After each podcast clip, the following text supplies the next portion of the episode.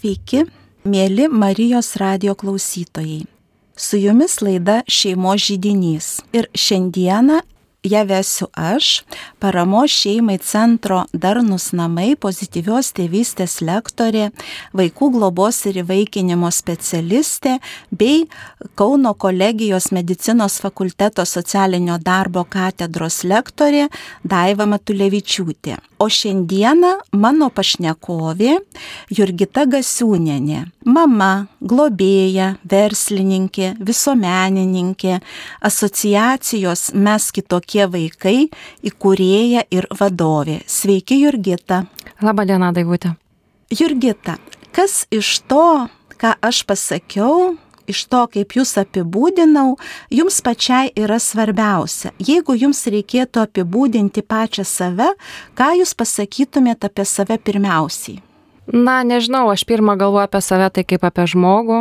Pati savo gyvenime jaučiuosi iš tikrųjų kaip eilinis žmogus gatvėje, nieko neišskirtinas ir neipatingas nes manau, kad daugybė žmonių vykdo savo uh, užduotį, kažkokią gyvenimo funkciją, tą patį darau ir aš. Tai aš esu ir dirbantis žmogus, aš esu ir veikiantis žmogus, ir turintis galbūt dar tokį kaip užklasinę veiklą save kažkaip realizuojantis, ir esu mama, žmona gyvenime, nu, taip galėčiau sakyti. Tai va, tai, na, iš esmės esu labai veikli, man visada yra reikalingas nuolatinis uh, pokytis, nuolatinis atradimas. Aš nesu vienos siulės siuvėja, aš esu toks ieškotojas ir kartu su tais atradimais stengiuosi dalinti su žmonėmis. Tai kaip visai nesenai klausiausi kunigo Richardo Doveikos mm, vienos iš kalbų, kuris labai aiškiai išsireiškia, kad tik mirusios žuvis plaukia palei srovę, o prieš srovę, tai vad kiekviena žuvis ir darys, jinai plauks prieš srovę. Tai aš ko gero ta pati gyviausia žuvis, kuri visą gyvenimą taip ir stengiasi plaukti prieš tą srovę. Tai va, tai galbūt tiek daugiau apie mane, o esminiai dalykai, kurie man šiaip gyvenime imponuoja ir labai patinka, tai būtent aš išskirčiau galbūt savanorystė ir socialinis verslas, e, tai organizacijos, kurių misija yra atrasti kūrybiškus verslius sprendimus didžiausiams socialiniams visuomenėms problemos spręsti. Tai yra man tikrai labai nauja ir įdomu, tai gal tiek apie mane. Ačiū, labai įdomiai prisistatėte. Tikrai esate veikli, įdomi, energinga ir gal galite papasakoti, kas jūs paskatino įkurti nevyriausybinę organizaciją, asociaciją Mes kitokie vaikai. Kokia jūsų įkurtos asociacijos veikla, ką įvienyje, gal galite dabar papasakoti apie savo vat, šitą asociaciją? Na, kadangi aš pati šeimoje gyvenu ir augu su savo keturiais vaikais ir pati su jais augu. Ir šeima mūsų tiek yra sudėtinė, kad e, ten tikrai labai pilna įvairių iššūkių. Galbūt iš šitų iššūkių ir išsirutulioja būtent asociacija mes kitokie vaikai apie kitokius vaikus, nes, na, aš savo šeimą laikau kaip na, sakykime, daugia kultūrį centrą kokį, kuriame turi sutapti po vienu stogu, labai skirtingi poreikiai turi sugulti, mes turime išmokti toleruoti vienas kitą, mes esame labai skirtingi. Čia mūsų šeimoje susikerta labai įvairios gyvenimo gairės, tai čia yra ne tik biologiniai vaikai, tai yra ir globojami vaikai, čia tame tarpe tie vaikai turintys negalės, sutrikimus, taip pat ūkdymosi sunkumus. Ir visą šitą apžvelgiant ir tai, kaip tu susiduri su kokiais iššūkiais šitos vaikus augindamas ir yra tavo galbūt uždavinys. Ir kai aš toje savo gyvenimo raidoje apmaščiau, kas vyksta su mūsų šeima. Aš vieną dieną iššakau tą mintį, kad tai yra man duota kažkokia tai, kažkoks uždavinys, turbūt jau, taip sakykime, aukštesnių jėgų Dievo. Tai yra man yra duota pamoka, man yra duotas uždavinys ir aš jį taip per savo šeimos modelį turiu spręsti. Ir būtent to pasiekoje ir išsivysto asociacija mes kitokie vaikai. Aišku, kalbėsime apie tai, kad tada, kada aš pirmą kartą suvokiu, kad mano vaikas vienas, vienas iš mano vaikų turi tikrai sunkę negalę ir kaip man mokinti su ją gyventi, kaip mano gyvenimas keičiasi šalia, kokius aš žmonės pažįstu šalia gyvendama su šituo vaiku, kaip mane priema visuomenė, kaip keičiasi mano draugai, kaip keičiasi mano pažinčių ratas, tai yra tai, iš ko susikuria asociacijomis kitokie vaikai, iš bendravimo, šiek tiek iš kitokios aplinkos, šiek tiek iš kitokių galbūt gyvenimo vertybių. Tai yra apie tai asociacijomis kitokie vaikai. Ir joje, aišku, susibūrė tie tėvai, kurie turi labai panašių problemų, kaip ir išjaučia mūsų šeima. Tai yra būtent auginimas vaikų turinčių specialiųjų poreikių, e, negalės,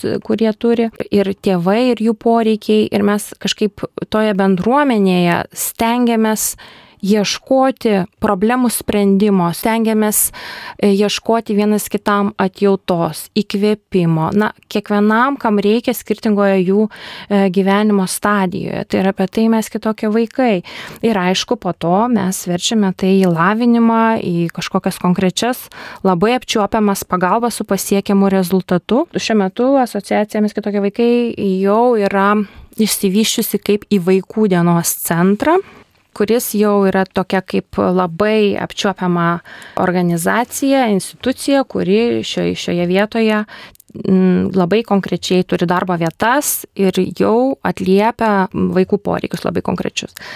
E, tai galbūt tie galėčiau pasakyti apie tai, o pati asociacija tai tai be abejo, mes siekiame, kad kad ji iš tikrųjų turėtų kuo daugiau specialistų, kad turėtų atitinkamas erdves, kur tie vaikai galėtų ieškoti mm, savo išraiškų, tokių vienas kitą galėtų pažinti, kad galėtų bendrauti. Tai čia mes turime ir du sensorinius kambarius, turime ir tokia kaip virtuvėlė, kurioje mes labai mėgstame gaminti įvairius patiekalus, ragauti skonius. Čia mes atrandame bendrystę, susidraugaujame, kitą kartą švenčiame gimo dienas, nes ne kiekvienas vaikas gali sauliaisti turėti draugų, kartais jis būna tiek keistas ir jam reikia mokytis tą daryti. Tai mes stengiamės turėti mažą į namų modelį pas save, kad pasiruošti kuo daugiau savarankiškam gyvenimui. Tai vad maždaug apie tai kaip šita asociacija sukasi apie vaiką. Ir e, nepamirštame, žinome, ir tėvų. Tėvai vis tik tai ir jų mm, ta tokia dvasinė, emocinė būsena yra ypatingai svarbu šalia vaiko, nes šitie vaikai ypatingai išjaučia jų nuotaikas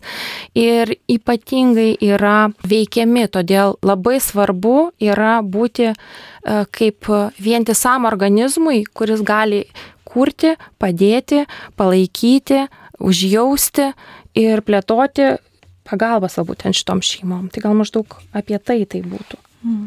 Aš klausau, Jurgita, jūsų ir girdžiu, kad jums labai svarbu tai, ką jūs darote, nes jūs kalbate labai atvirai, labai nuoširdžiai, labai jautriai. E, dabar noriu paklausti apie jūsų šeimoje auginamus vaikus. Aš žinau, kad jūsų šeimoje auga net keturi paaugliai. Iš jų yra du vaikai jūsų biologiniai, e, du vaikai yra globojami ir du iš jūsų keturių auginamų vaikų turi tam tikrų raidos sutrikimų, turi specialiųjų poreikių. Sakykit, Jurgita, kai vaikui nustatoma diagnozė arba kai vaikui nustatomas raidos sutrikimas, tai pakeičia šeimos gyvenimą. Kaip pakeitė jūsų šeimos gyvenimą, kai buvo nustatytas raidos sutrikimas jūsų sūnui? Ką jūs patyrėte, išgyvenote? Na, galbūt pasakyčiau taip, galbūt aš tai nesiesiu būtinai su savim, gal pašnekėsiu bendra fraze, kaip jaučiasi dauguma tėvų iš tikrųjų, nes tai yra reikšminga, kad žmonės tą patintųsi turbūt ir, na, kažkaip tą kelią suvoktų savo vidumi ir, na kaip pasakyti, nesijaustų pasimetę, galėtų galbūt net ieškoti išeičių, klausydamėsi to, ką aš norėčiau galbūt pasakyti. Tai iš esmės faktas, na kada, kada jau gyveni šeimoje ir pas mus atsiranda vaikai, mes be abejo, kad planuojame, kad tai mes turėsime vaikutį, savo svajonių vaikutį, tai yra išsvajotas, kažkoks tai laukimas, mes sudėvinam, mes laukiam, mes stengiamės, bet tai, ką paskui mes galų gale apturėme, pasidžiaugiame, gali būti, kad mes po kelių metų pamatysime, kad ta raida na, nėra tokia jau labai įprasta ir kad tai jau turės kažkokiu tai atitinkamu ypatumu. Ir vėlgi, aišku, mes gyvename mokomės su tuo gyventi, po truputėlį save koreguojame, kiek tai yra įmanoma, tol kol, aišku, nesitinka, na, būna tikrai diagnozių, kada krizė būna ypatingai, tarkim, gili ir labai stipriai tada pradeda keisti. Tai ne, vėlgi mes, tarkim, dar net diagnozės, jeigu negavome, mes to bandome susigyventi, matome kitoniškumą neretai būna, kad be abejo, galbūt ir atsisijoja kažkokie draugai, kiti teisė, kritikuoja. Na visko, iš tikrųjų visas spektras yra. Yra kas palaiko, yra kas labai atjaučia, bet šiaip iš tikrųjų tėvai išgyvena tikrai begalinį didelį virsmą. Ir tai priklauso nuo to, kiek tas ta labai raida sutrikusi, nes gali būti, kad tai labai stipriai mūsų gyvenimo neįtakos, bet yra šeimų, kur tikrai gana stipriai arba netgi labai stipriai įtakos gyvenimą. Tai yra atveju, tarkim, tai tikrai nėra mano pavyzdžio atvejs, bet e, tikrai yra atveju, kada mamos jau lieka auginti vaikutį vienos, nes joms galbūt nebepavyksta išeiti į darbą arba jos jį turi nutraukti, turi pasišvesti netgi. Ir čia šiuo atveju tėtis galbūt netgi turi išvažiuoti, tarkim, į užsienį, kad rasti tokį darbą, kuris išlaikytų, tarkim, galbūt netgi šeimoje esančius kelis vaikus. Ir e, tai tikrai gali labai stipriai įtakoti ir sprendimai mūsų, kaip mes dėliosime savo gyvenimą, gali būti patys įvairiausi. Yra tikrai a, tokių mano pažįstamų žmonių, kurie iš tiesų tikrai susirinko daiktus, išvažiavo gyventi kitą šalį. Ir aš vieną vertus sėdėjau ir galvojau, vad kodėl, bet jeigu tai e, liečia tokia diagnozė, kaip tarkim klausos kažkokie sutrikimai, kur tėvai pamatė didesnės galimybės vaikui socializuotis kitoje šalyje, na kodėlgi ne, jie pasirinko taip, kaip geriau vaikui, jie paukojo viską, jie pakeitė savo kalbą, jie įsidarbino į kitus darbus, iš tikrųjų tai pokytis begalinis ir auka iš tikrųjų yra begalinė. Taip kad bet kokiu atveju šalia negalios mes turime daug aukos, mes turime aukotis. Ir e, labai yra teisingas posakis, kad tarkim, jeigu mes na, gyvename su tais dalykais, kurios galime įtakoti, tai mes stengiamės įtakoti, bet yra gyvenime tokių patirčių, kada mes jų nebegalime keisti ir matome, kad mes tikrai jų nepakeisime. Tai mums lieka tik vienintelė išeitis - mokytis su tuo, susigyventi. Ir šalia to, kad mes mokysime susigyventi, mums bus labai svarbu taip ir kaip mes pakeisime tą savo gyvenimą. Galbūt mes išsikraustysim tikrai, kas irgi stresas yra šeimai ir vaikams tame tarpe. E, galbūt mes pakeisime darbus, e, na, kažkokį laiką galbūt aukosimės, o paskui galbūt atrasime ir savyje kažkokių jėgų ir padėsime galbūt kitam. Vėlgi čia yra mūsų kelias, kaip mes rinksimės ir kas mums šitam keliui padės, kas mus lydės. Ir labai svarbu yra vis tik tai nebūti vienam. Ir galbūt, na, tarkim, vat, jeigu dabar pereiti prie mano daugiau atveju. Tai e, man ir buvo galbūt esmė, kad aš asociaciją mes kitokie vaikai pasirinkau kaip daugiau savirealizaciją, galbūt netgi daugiau kaip polsi aš apgalvojau tai taip, nes ir mano, tarkim, gyvenimo etape atrodė, kad, ha, aš nebegalėsiu dirbti turbūt, ar ne, tai kaip aš čia gyvensiu. Ir kol aš e, saliginai kažkur savyje vegetavau, tai mano, matyt, vidiniai klodai ieškojo to sprendimo ir tas sprendimas atėjo tokia forma. Aš kažkur tai, tarkim, dalyvaudama kitų vaikų susirinkimuose pastebėjau, kad, va, ten, tarkim, ateinantis svečiai ar tėvų klubas ar kažkas, kas kviečiasi svečius, kad reikėtų čia, va, galima ne visuomenės organizacijas įsikurti, kad galim parašyti projektą. Kažkur tas pasąmonės klodus gulė, gulė, kol susirinko į tą vienetą, kuris virto būtent jau mano pačios valdoma asociacija. Ir to žmonės, iš tiesų aš labai dėkinga, kurios aš atradau visam tam keliui.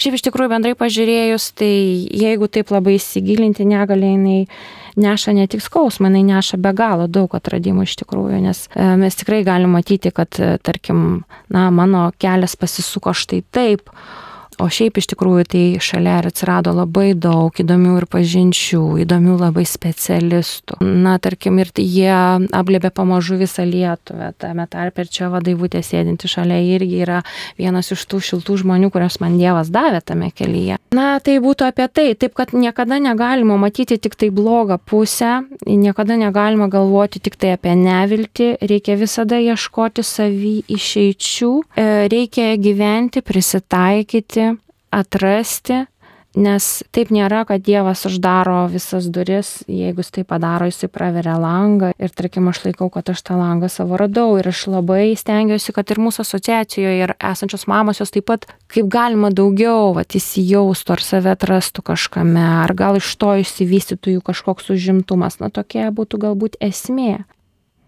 Labai ačiū, labai šiltai pristatėte, labai gera jūsų klausyti, nes e, tokia jaučiu labai daug šilumo, šviesos, tikėjimo. Iš to, ką jūs pasakėte, man įsiminė tokie žodžiai - save koreguojame. Ir norėčiau patikslinti, kai tėvai pastebi, kad vaiko raida vėluoja ar ne, arba kad ji atsilieka, Tai ką tai reiškia save koreguojame? Ar tai reiškia, kad jūs koreguojate savo lūkesčius vaikui, kad jūs atsisakote to savo išsvajoto tobulo vaiko? Ar tai lengva koreguoti savo lūkesčius? Na, bet kokia korekcija žmogus yra toks uh, kūrinys, kuris iš tikrųjų galėtų tai turbūt nieko nekeistų, iš tikrųjų duokit mums idealias sąlygas. Bet mes ir netobulėsime turbūt, jeigu bus viskas idealiai ir negalim tai pagalvoti. Na, iš tikrųjų taip, ir lūkesčius koreguoji, ir išmoksti džiaugtis mažais, smulkiais dalykais, ypač jeigu tai diagnozės sunkios, tai tu gali džiaugtis iš tikrųjų paprasčiausių dalykų, vai jis galų gale nusiplovė rankas, jis galų gale paėmė šalį aukštą. Vieną dieną stebėjau per langą, kaip, tarkim, vaikai žaidžia kieme ir galvoju, va, išbėgo vaikas, pasitaškė per balas, o jam mačiutė per langą šaukia, ką tu čia darai, rūbus įstepsi. O aš galvoju, Jėzus, jeigu mano vaikas tai padarytų, aš turbūt, nu, būčiau laimingiausia motina. Na, suprantat, be abejo, mes labai keičiasi tas ir mūsų gyvenimas, ir tie maži dalykai, galbūt tas išmokimas džiaugtis tikrai mažomis smulkmenomis, bet to vertinti vienas kitą. Tarp kitko, mano vyras labai įdomiai išsireiškė vieną dieną, jis sako, Tai žinai, kaip čia, va tu pagalvok, sako, va kaip tu galvoji, kodėl Dievas va mums davė šitos vaikus, va tokius vaikus. Tai, nu, aš kažkaip taip suglumau, kaip šiką iš čia dabar sakys, visi sako labai paprastai. Taigi, sako, tu pažiūrėk, sako, jis būtų kažkam kitam atidavęs, tai jie būtų turbūt susimušę ir įsiskyrę, sako, mes pažiūrėk, va kažkaip gyvenam ir, na, nu, iš esmės, iš tikrųjų, čia tai yra, čia yra mūsų požiūris, kaip mes su tuo gyvename, kaip mes, na, kaip mes tai išjaučiame. Ir be abejo, tą gyvenimą pakeisti nėra lengva ir nesinori, bet e, tačiau galbūt tai bus dar didesnis atradimas, Gal mes visai netam kelyje stovėjom. Aš kartais pati vat, savo užduodu tokius klausimus, tarkim, ar, ne, ar aš turėčiau čia dabar lydėti ar džiaugtis. Be abejo, aš jau pragyvenau tas e, penkias e, išgyvenimo tas stadijas, aš jau jas baigiau, tai būtent neįgymą, pyktį, dėrybą su savimi, depresiją, susitaikymą. Tai aš jau esu tame kelyje, matau, kad aš jau tą, tą procesą esu užbaigusi, bet kažkas dar tą kelią tik tai pradeda ir jiem galbūt labai keistai atrodys, kad aš čia sėdžiu ir šipsausi. Bet iš kitos pusės vaikas, tai žinot, tam vaikui netgi, kuris yra, kad ir sunkioje negalioje, jam, jam yra gerai savyje, iš tikrųjų toks, koks jis yra. Mes iš tikrųjų patys matome šabloną ir bandome pagal tą šabloną veikti savo šeimą arba keisti tos vaikus. Tai yra tikrai labai neteisingas požiūris. Realiai mums reikia, reikia stengtis, kad jie siektų savarankiškumo, kad jie kažkiek atlieptų savo poreikius, kiek jau tai leidžia. Atrasti tos mažus dalykus kartu, ugdytis pamažu gražu, bet iš esmės tai, na, matom, kad vaikas, nu, nebus toks, bet tai nereiškia, kad jis savo viduje nėra laimingas. Tai yra apie tai, o ar mes turėsime persikelti gyventi į kitą miestą, iš esmės, ar tai sutrukdys mūsų šeimos laimę. Vėlgi, galbūt tai bus atradimai. Tai aš laiką galvoju taip ir tokią filosofiją stengiuosi pasakyti ir kitam. Labai šviesi jūsų filosofija, jautru klausyti. Jurgita, kaip taip nutiko, kad jūsų šeimoje šalia savų vaikų, jūsų pačios pagimdytų vaikų atsirado globojami du vaikai. Na, su globa tokia galbūt truputėlį dar, nu kaip, iš esmės tai yra tos pačios istorijos tesinys, jeigu taip galvosi. Bet tame kelyje iš tiesų jau, na, mūsų šeima jau buvo tą patį sunkiausią periodą, su vaiko negalė buvo jau išgyvenę. Tai ir, tuos ir palūžimus vaiko, ir, na, tokius isteriškus momentus, kurios, na, kurios reikėjo išmokti valdyti. Tikrai tai nebuvo lengva. Bet mes atrodė jau, kad to proceso esam pakankamai susigyvenę Ir buvo toks tarpas, kada iš tiesų, na galbūt taip sėdėjau ir svarščiau, vat, iš tikrųjų, kad būtų gerai turėti daugiau vaikų ir kodėl jų reikėtų daugiau turėti, ar ne? Kiti tai sakė, ar čia jai reikėjo dabar ant sprando čia tos naštos iš vienos pusės. Iš kitos pusės, nu kokia čia ta našta, kad aš ta mintis atėjo galva be abejo, aš mačiau, kad aš tikrai, man taip Dievas davęs dabar yra, kad aš tam kitam berniukui turiu atiduoti praktiškai visą laiką ir mano vyresnis berniukas lieka su per mažai dėmesio ir gal atrodytų savanaudiška, galbūt ne, bet iš esmės iš tiesų tai buvo atrodė vienintelis sprendimas, kad va dabar tai mums padėtų, jeigu pas mus būtų daugiau vaikų. Tai kartu ir tas džiaugsmas, skausmas, viskas tiesiog labai gražiai pasidalintų, arba tu galėtum jos kažkur išleisti vienom veiklom tuo metu, kaip tu sprendi sudėtingesnės problemas.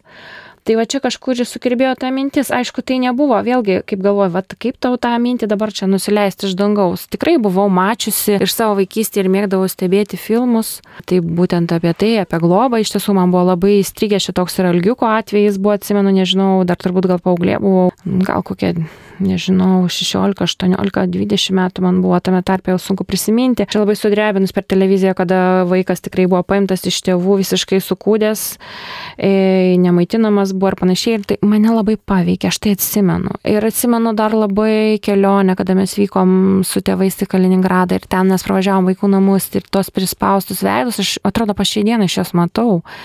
Ir matyt, ta mano pasąmonė va taip va sudėliojo, kad va taip aš pradėjau spręsti šitą problemą per vaikus. Ir aišku, dialogas pirmą įvyko su sunumi, kad pokalbis, kad va kaip tu galvotum, va kaip čia būtų, jeigu iš tikrųjų mes gyventumėm ne dviese, bet galėtų čia būti mūsų daugiau. Ir mes tiesiog va vieną dieną sėdame mašiną ir išvažiavome svečius išvažiavom svečius, dar tada buvo vaikų namai, dabar jau jų nėra, jau visi gyvena šeimoje, dėkui Dievui, bet tas jau buvo senokai. Ir nu jau daugiau, 8 metai turbūt daugiau.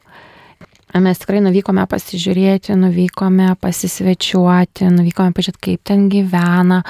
Mes e, tiesiog vėlgi čia ne kažkoks tai, kaip sakyta, apžiūros ar kažkoks castingas, tai pasisvečiavimas, pabuvimas, pabendravimas, pasikalbėjimas. Na taip mes ir paviešėjame ir pasikalbėjom tai su vienu, tai su kitu vaiku, kuris galbūt galėtų būti potencialiai arba šiuo metu galbūt yra niekieno vat neglobojamas, tarkim.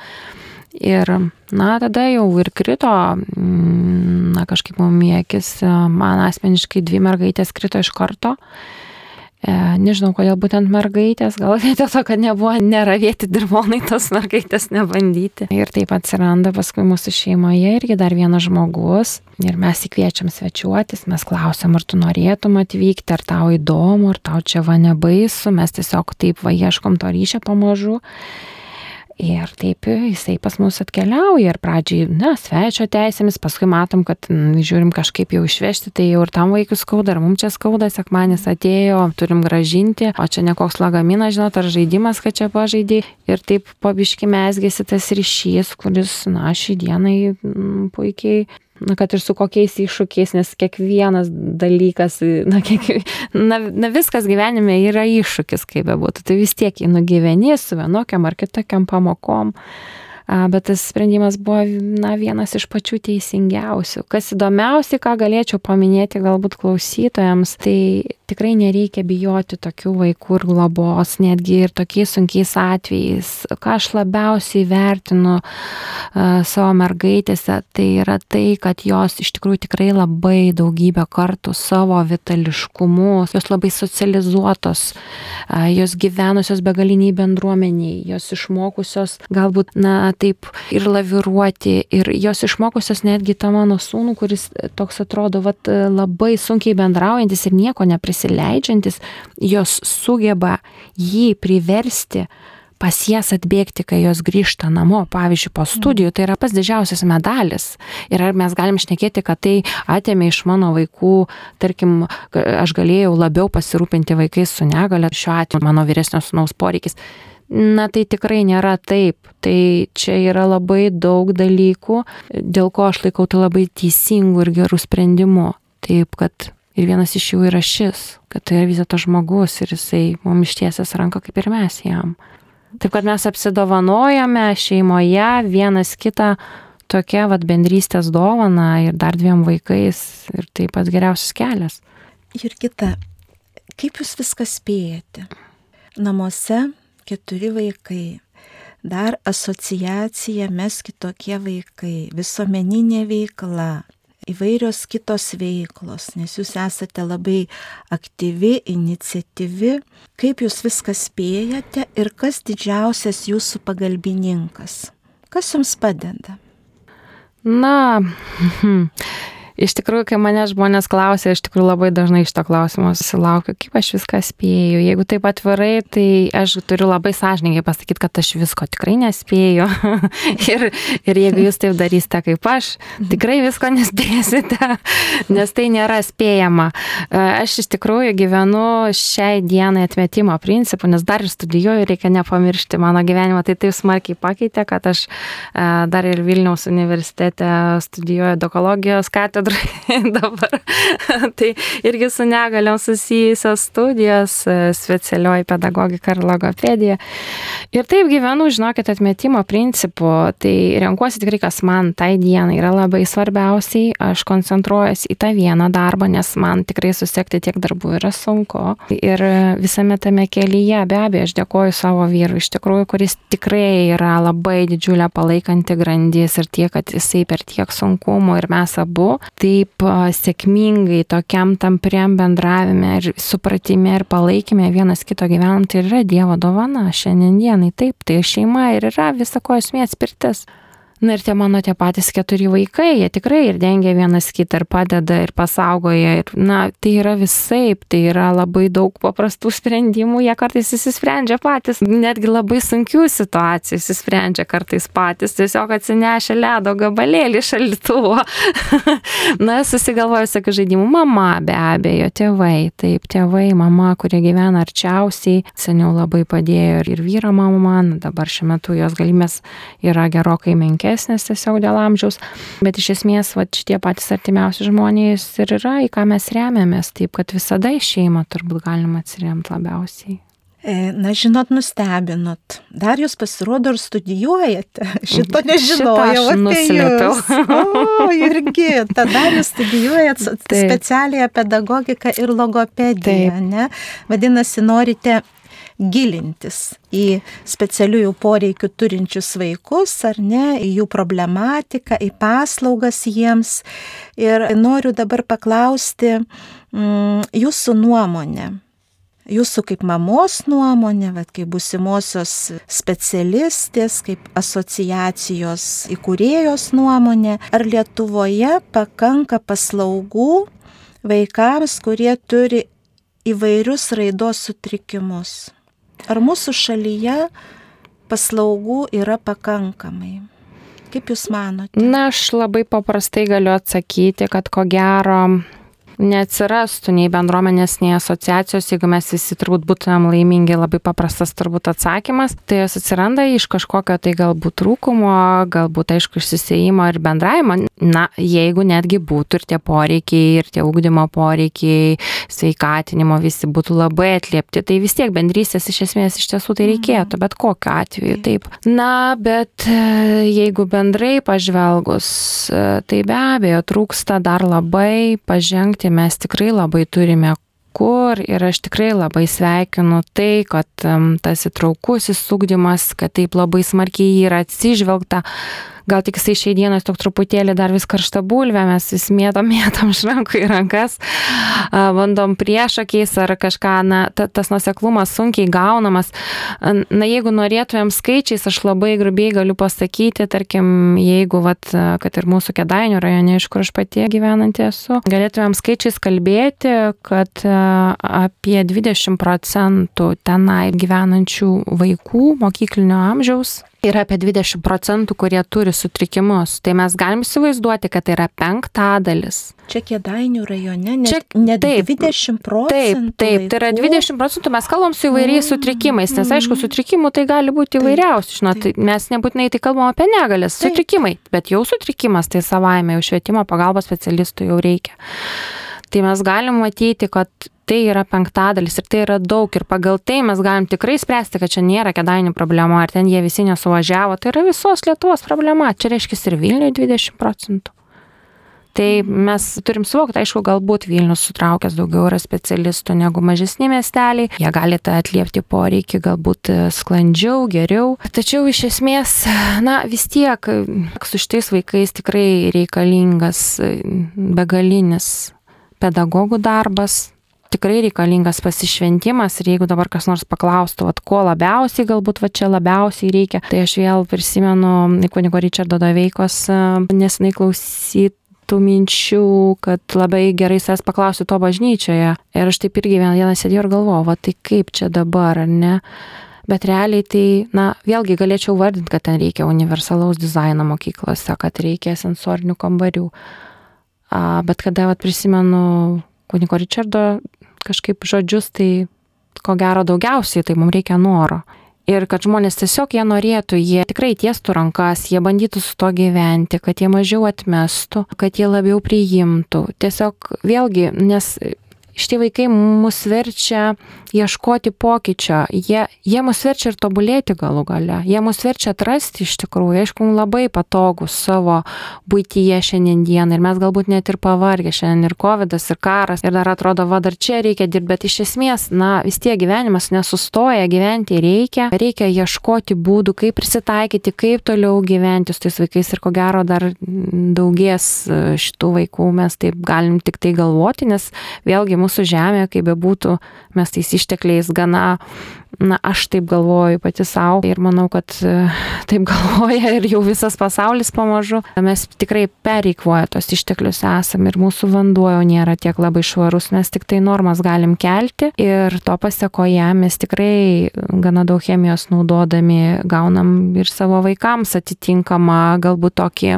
na, Na, jie tokie gimsta, tiesiog mes gaunam kitokį pokytį ir čia kaltinti nieko negalim, galim tik išmokti su to gyventi. Mm, arba keisti savo kažkokį tai požiūrį vėlgi. Na, čia labai matot, ir ekologinė pusė susiveda ir negali kaltinti, aš jokiais būdais negaliu sauliaisti kaltinti tik tai mokyklos arba tik poliklinikos, dėl to juk tai yra kompleksiška turbūt. Ir kita, jūs augindama du raidos ypatumų turinčius vaikus, tai yra jūsų sunus ir viena globojama mergaitė.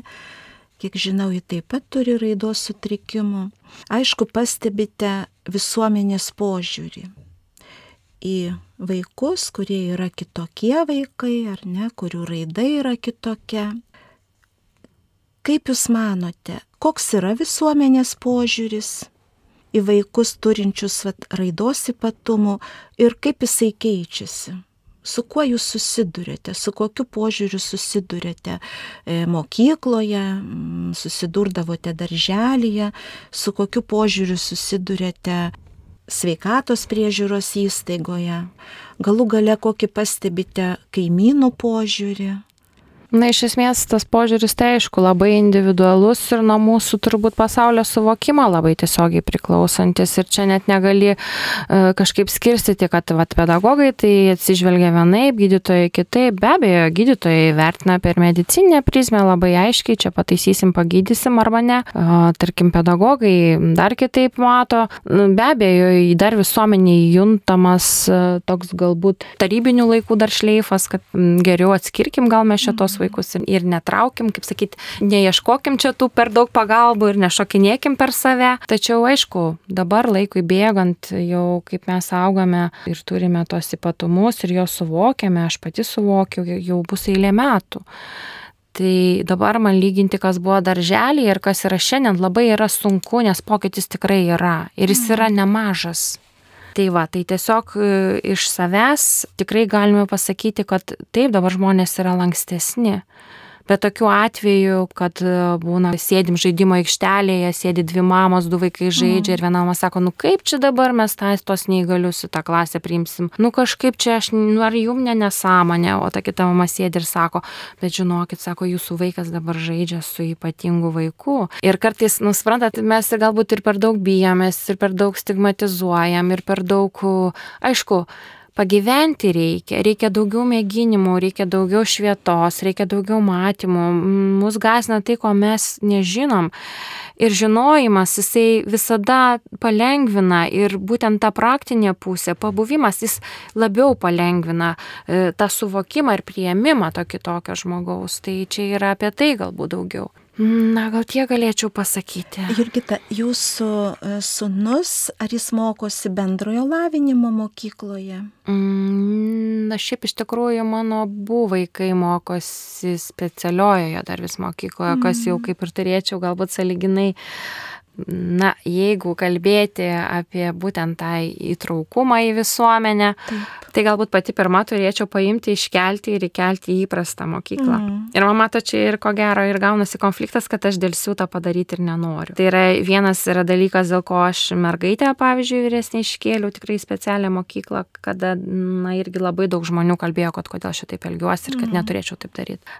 Nesako, va, vaikas ir dalyvauja ir šoka, jis tikrai gali, čia nėra jai tai blogai, iš vienos pusės, bet iš kitos pusės mes taip pat tokią vidinę ramybę šeimoje apturėjom, kada iškėlėme tą mergaitę į spets mokyklą dėl labai paprastų priežasčių. Visų pirma, mm, tenai pedagogas vis tik tai labiausiai įtraukumą suvokiantis šiai dienai. Mm. Visa pedagoginė bendruomenė. Taip pat e, ten yra galbūt mažiau, mažiau tu suvoki savo trūkumus kaip išskirtinumą, tai yra mažiau ir vaikų pastebimi šitie dalykai, jie save labiau suvokia tiesiog kaip pilnaverčių žmonės, jie savo nekelia, jie, na kaip sakykime, gal ne tai, kad pasakyčiau neteisingai, galbūt, kad yra patyčios arba nėra patyčių, bet tiesiog ten kitoks suvokimas, kitoks prieimas ir šito dar bendrojo ūkdymo mokyklos dar nepasiekė. Mūsų visuomenė nepasiruošus, tai va čia va ir taip susiskaido šitos dvi mokyklos. Kitas dar, aišku, man buvo labai svarbus dalykas, tai kad namų darbai, kurios ta mergaitė parsineždavo namo, buvo ypatingai ne pagal jos galimybės ir galų gale Dabar jinai specialioje mokykloje ūkdosi, ko puikiausiai, visiškai be jokių namų darbų. Mm. Ir tada mes galim iš tikrųjų namie užsimti ar namų ruošą, tikrai tais dalykais, kurie reikia dabar pagal jos tą sučikimo lygį, kurį jinai turi, man daug svarbiau negu išmokyti ją kažkaip, na, tebūnie netrauk šaknį, bet e, ne matematiniai veiksmai didžiausias dalykas jai lems, o taip, jinai sugebės savo gyvenime gyventi, mm. pati savo savarankiškai. Kiek ji bus savarankiškai. Kiek ji bus savarankiškai, tai yra apie tai. Ir aš kol kas dar vis dėlsiu ir vis laukiu, kad jų mane sumestų vėl į krūvą tų vaikų. Nes aš vėl galvoju, kad reiks vėl grįžti namų darbai, mes e, taip pat bus sunkiai veikiama kartu. Aš kaip vis tiek reikia nepamiršti tie tėvai, kurie turi specialių poreikių vaikus, didelis krūvis yra labai pas juos e, ir emocinis, ir fizinis, ir įvairūs, va, kad ir tie patys gyvenimo pokyčiai, galbūt tik vienas dirba, nesvarbu, bet jie taip pat turi palsėti, jie negali būti, kad jie ir pamoką šitą taip pat ruoš ir valgyti padarys, jau užtenka tai, kad jie padaro valgyti, jau užtenka tai, kad jie nuvalys to vaikų dulkės, ar kažkur išmoks viešoje erdvėje elgtis, arba tiesiog jie pažais žaidimą kartu, kad socialiniai ryšiai geriau kurtų tai mm, daug yra kitų svarbesnių, man atrodo, dalykų, kuriuos reikia daryti ir namie. Ir mes negalim suplakti vieną į krūvą ir sukrauti visko tėvams kitą kartą. Mm. Tai čia irgi kita tokia našta, kad, na, galbūt vis tik tai bendrojo augdymo mokykla dar šiek tiek jinai per mažai kreipia dėmesį, kokį krūvį nuleidžia tiem tėvam, kurie turi vaikus su specialiaisiais ugdymosi mm. poreikiais. Ir tarkim, tikrai išliks vaikai, kurie tikrai negalės bendrojo augdymo mokykloje ugdytis dėl daug kitų ypatumų, nes, na, nu, įvairūs. Kaip manote jūsų vaikai, va jūsų berniukas, mergaitė, vis tiek ateis tas metas, kada jie turės na, mokytis bendrojo lavinimo mokykloje. Kaip manote, koks jiems bus iššūkis? Na, vat, nežinau, mergaitė daugiau mažiau, jinai aišku, jinai adaptuosis tai tikrai, mm. bet berniukas, kurio yra vis tik tai kompleksinė negalė tokia va išeina, tai iš esmės ten jau visą plokštę visko, tai na, aš jo neįsivaizduoju iš tikrųjų bendrojo ugdymo mokykloje šiai dienai. Galbūt todėl, kad aš, na, galbūt savo mieste nelabai matau tokios erdvės, nes mokyklos tikrai labai perpildytos. Ir, o čia reikia ir erdvės atitinkamos, ir pasilsėjimo atitinkamo. Ten vaikas, tarkim, kuris triukšmo visiškai nepakelia, jis nepakelia per daug didelės klasės vaikų šurmulio. Čia yra, na, daug dalykų, aš manau, kad vis tiek tie tokie kaip centrai, kurie dirbs būtent su tokiais vaikais konkrečiai ir teiks dar būt galbūt mokykloje dar vat, paslaugas, jie tokie kaip ir išliks ir taip yra planuojama, kad kažkaip taip panašiai ir bus. Ir vis tik tai dalis vaikų liks ugdytis būtent tokiuose mm, galbūt šiek tiek labiau jiem pritaikytose sąlygose. Tai nebus tiek jau bendro ugdymo mokykla. Aš suprantu iš jūsų, Jurgita, kad Lietuvai dar reikia padirbėti, ar ne, kad tas įtraukusis švietimas, įtraukusis sugdymas tikrai atitiktų kad kiekvieno vaiko, kuris turi specialiųjų poreikių, kad kiekvieno vaiko ypatumus.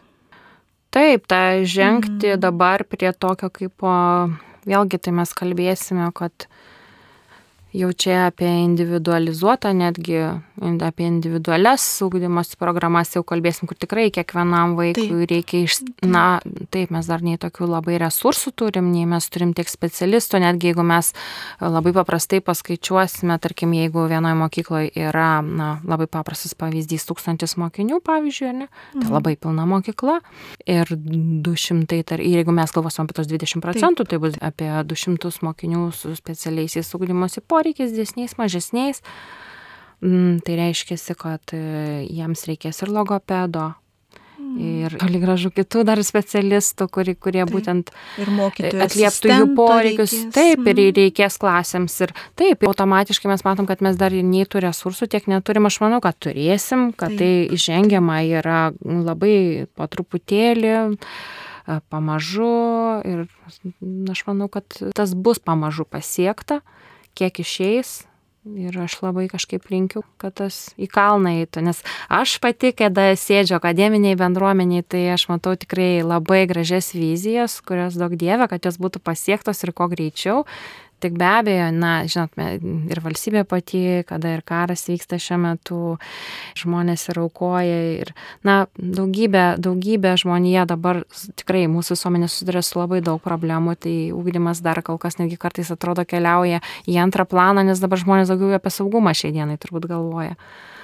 Tai va, bet aš manau, kad tai bus siekiama, atsiekta, pasiekta ir jau vien tik tai, kad ukrainiečiai pabiški, va, tarkim, labai gražiai, nes jie irgi tai savotiškai tokia pati pažeidžiama grupė šiai dienai vaikų. Taip kurie lygiai taip pat reikia tokių pačių pagalbų ir psichologo reikia ir, ir kalbos barjeras begalinis, tai mes galim matyti viską tai labai aiškiai.